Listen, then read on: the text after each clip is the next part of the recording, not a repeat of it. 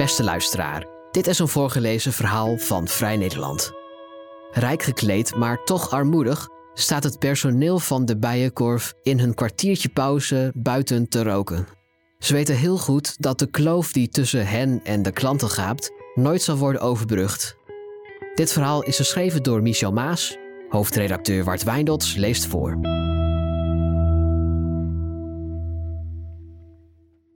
Arm en rijk zijn in Nederland niet altijd zo duidelijk gescheiden als bijvoorbeeld in Azië.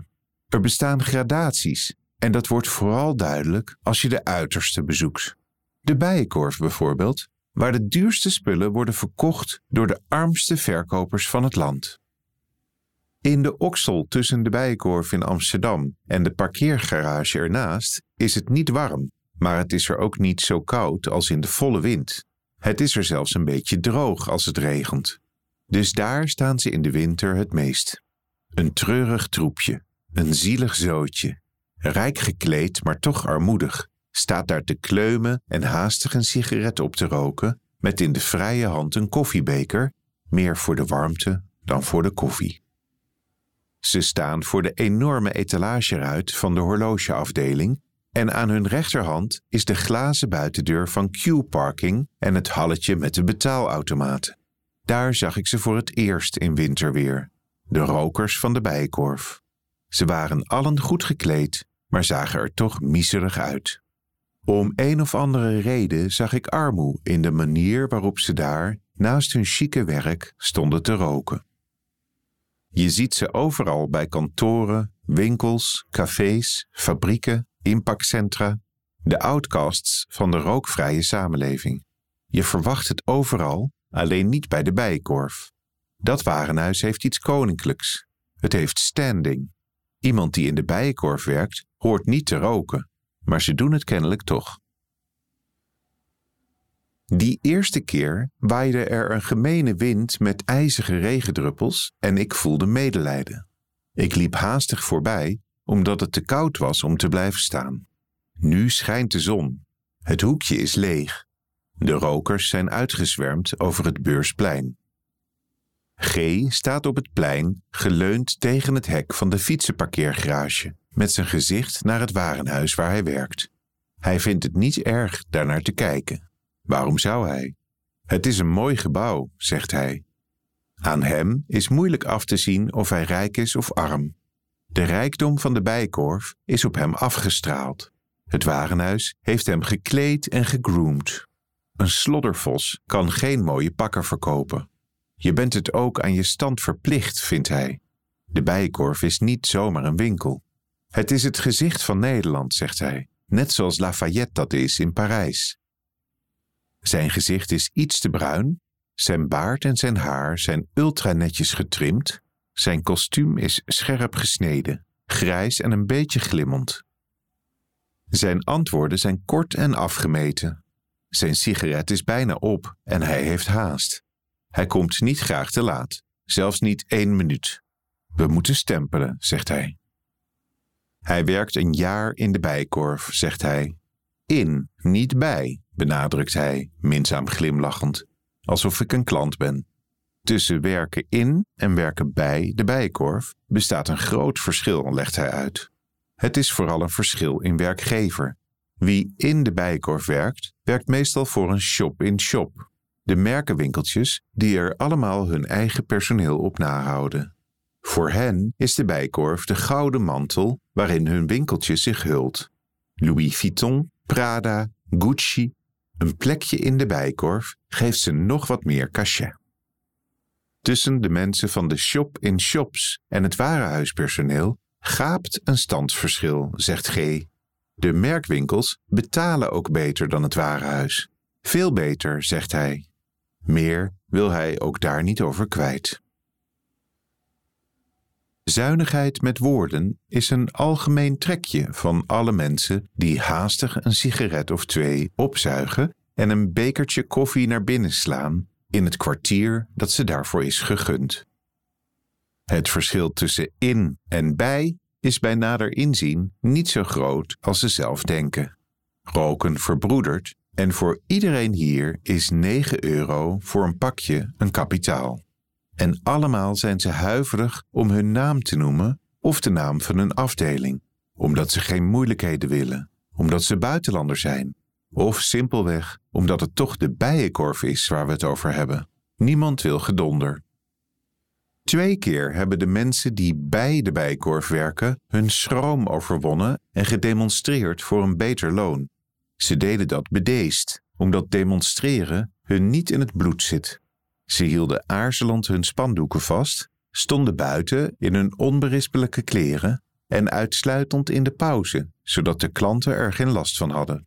Niemand wilde het imago van het warenhuis bezoedelen, want hoe slecht het ook is voor zijn mensen, het is hun warenhuis. G zegt dat hij schrok toen hij hoorde hoe weinig de mensen bij verdienden.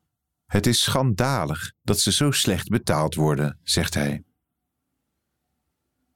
Het woord schandalig duikt in de gesprekjes elke keer weer op. De bijenkorf betaalt zo weinig dat je beter kunt gaan inpakken bij de Hema of Picnic of in de winkels van Primark. Dat betaalt beter, zegt een medewerkster in zwart colbertje, zwarte trui, zwarte broek en zwarte schoenen. Maar ja, het is toch de bijenkorf, hè? En de bijenkorf weet dat ze zo denken. Dus krijgen werknemers er 11,99 euro per uur. Bij de shop-in-shops in de winkel kunnen ze 13, 15, 17 euro per uur verdienen. Krijgen ze kleren van de zaak en niet zelden ook provisie. Daarbij komt dan wel de stress van targets die ze moeten halen. Moeten ze vijf volle dagen werken en ook s'avonds en in het weekend beschikbaar zijn. Bij of in, allemaal vallen ze op door hun onberispelijkheid. Ze zijn beleefder dan elders, alsof de imposante bijenkorf hun persoonlijkheid is binnengedrongen. In de winkel zijn ze een verlengstuk van de glimmende rekken met felle kleurtjes, dure geurtjes, jassen, schoenen en tassen, het ritselend inpakpapier en de kassa's waar ze bedragen aanslaan die ze zelf nog in geen twee maanden bij elkaar verdienen. Mannen werken in scherp gesneden jasjes en kooltruien. Vrouwen staan recht om hun door de winkel verstrekte pantalons niet te kreuken. Hun nagels zijn gemanicuurd, wenkbrauwen zorgvuldig getekend en om iedereen hangt een wolk van dure parfum uit de testers.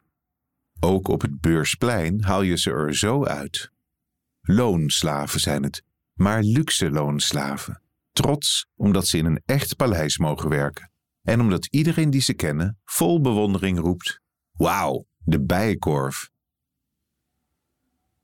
Ze weten heel goed dat tussen hen en de klanten altijd een kloof gaapt die nooit zal worden overbrugd. En tussen hen en Hans Kroon gaapt er een die nog veel dieper is. Kroon, klein van stuk, petje op, sterke brillenglazen, handen in zijn zakken en een geel hesje aan van de gemeente Amsterdam, past buiten op het beursplein op de bakfietsen, waarvoor een klein eigen parkeerplaatsje is bestemd. Weet je wat zo'n fiets kost? vraagt hij, terwijl het antwoord al op zijn tong ligt te branden. Hij wijst naar een bakfiets met in grote letters het woord bakfiets erop. Die daar kost 5000 euro. Dan wijst hij naar een Urban Arrow fiets met een fraai gevormd kinderkuipje. En die kost wel 7000. Of de prijzen kloppen doet er niet toe. Wat van belang is, is dat deze fietsen niet zijn weggelegd voor mensen zoals hij. Ongevraagd vertelt de 64-jarige Kroon in sneltreinvaart zijn hele leven. Hij was een van zeven kinderen, een couveuse zoon van een marktkoopman op het Waterloopplein, toen dat plein nog leuk was, bewust niet getrouwd, mannetje met een eigen willetje, wat hij van zijn moeder heeft, streng opgevoed op katholieke scholen, waar het ook altijd armoe was. Vier jaar geleden is hij in de schuldsanering terechtgekomen. Ineens moest hij 3000 euro betalen aan de belasting, geld dat hij natuurlijk niet had. Hij vertelt: Ik moest het binnen drie maanden betalen, maar binnen een week had ik dat bij de rechter geregeld. Nu beheren die lui van de schuldsanering al zijn financiën. Ze zorgen dat alle rekeningen worden betaald en van de gemeente krijgt Kroon 50 euro per week om van te leven. Dat is genoeg, zegt hij. en voor de Belastingdienst hoeft hij niet meer bang te zijn. Hij schaamt zich er niet voor. Hans Kroon staat al twee jaar op het beursplein, vertelt hij. En hij kijkt naar de bijenkorf en lacht. Ik woon mijn leven lang in Amsterdam, maar ben daar nog nooit binnen geweest, zegt hij. Een beetje te dure business. Hij koopt zijn spullen altijd aan de andere kant van het damrak, bij Primark. Hij zegt: Een package, vijf paar sokken en vijf onderbroeken. Bij de Hema kost dat 25 euro. Bij Primark 9 euro. Hij heeft geen idee hoeveel hij bij de bijenkorf voor een package kwijt zou zijn. Zoals gezegd, hij is er nog nooit, nee echt nooit van zijn leven binnen geweest. Hij komt nooit dichterbij dan dat donkere hoekje tussen de parkeergarage en de horloges, waar hij tussen de rokers gaat staan als het regent. Dan kijkt hij wel eens naar binnen. Je ziet ze door dat raam daar, de mensen die er een horloge kopen. Je kunt zien dat dat mensen zijn die wel wat hebben, rijke mensen. Jaloers is hij niet. Hij is tevreden met zijn beetje geld. Hij heeft geen zorgen meer. Maar de kloof zelf, die zit hem soms wel dwars. Hij zegt: Ik spreek wel eens iemand aan op het plein hier en zeg ze dat de rijken best wel een beetje kunnen inleveren voor de armen. Dan wordt zo iemand soms echt boos.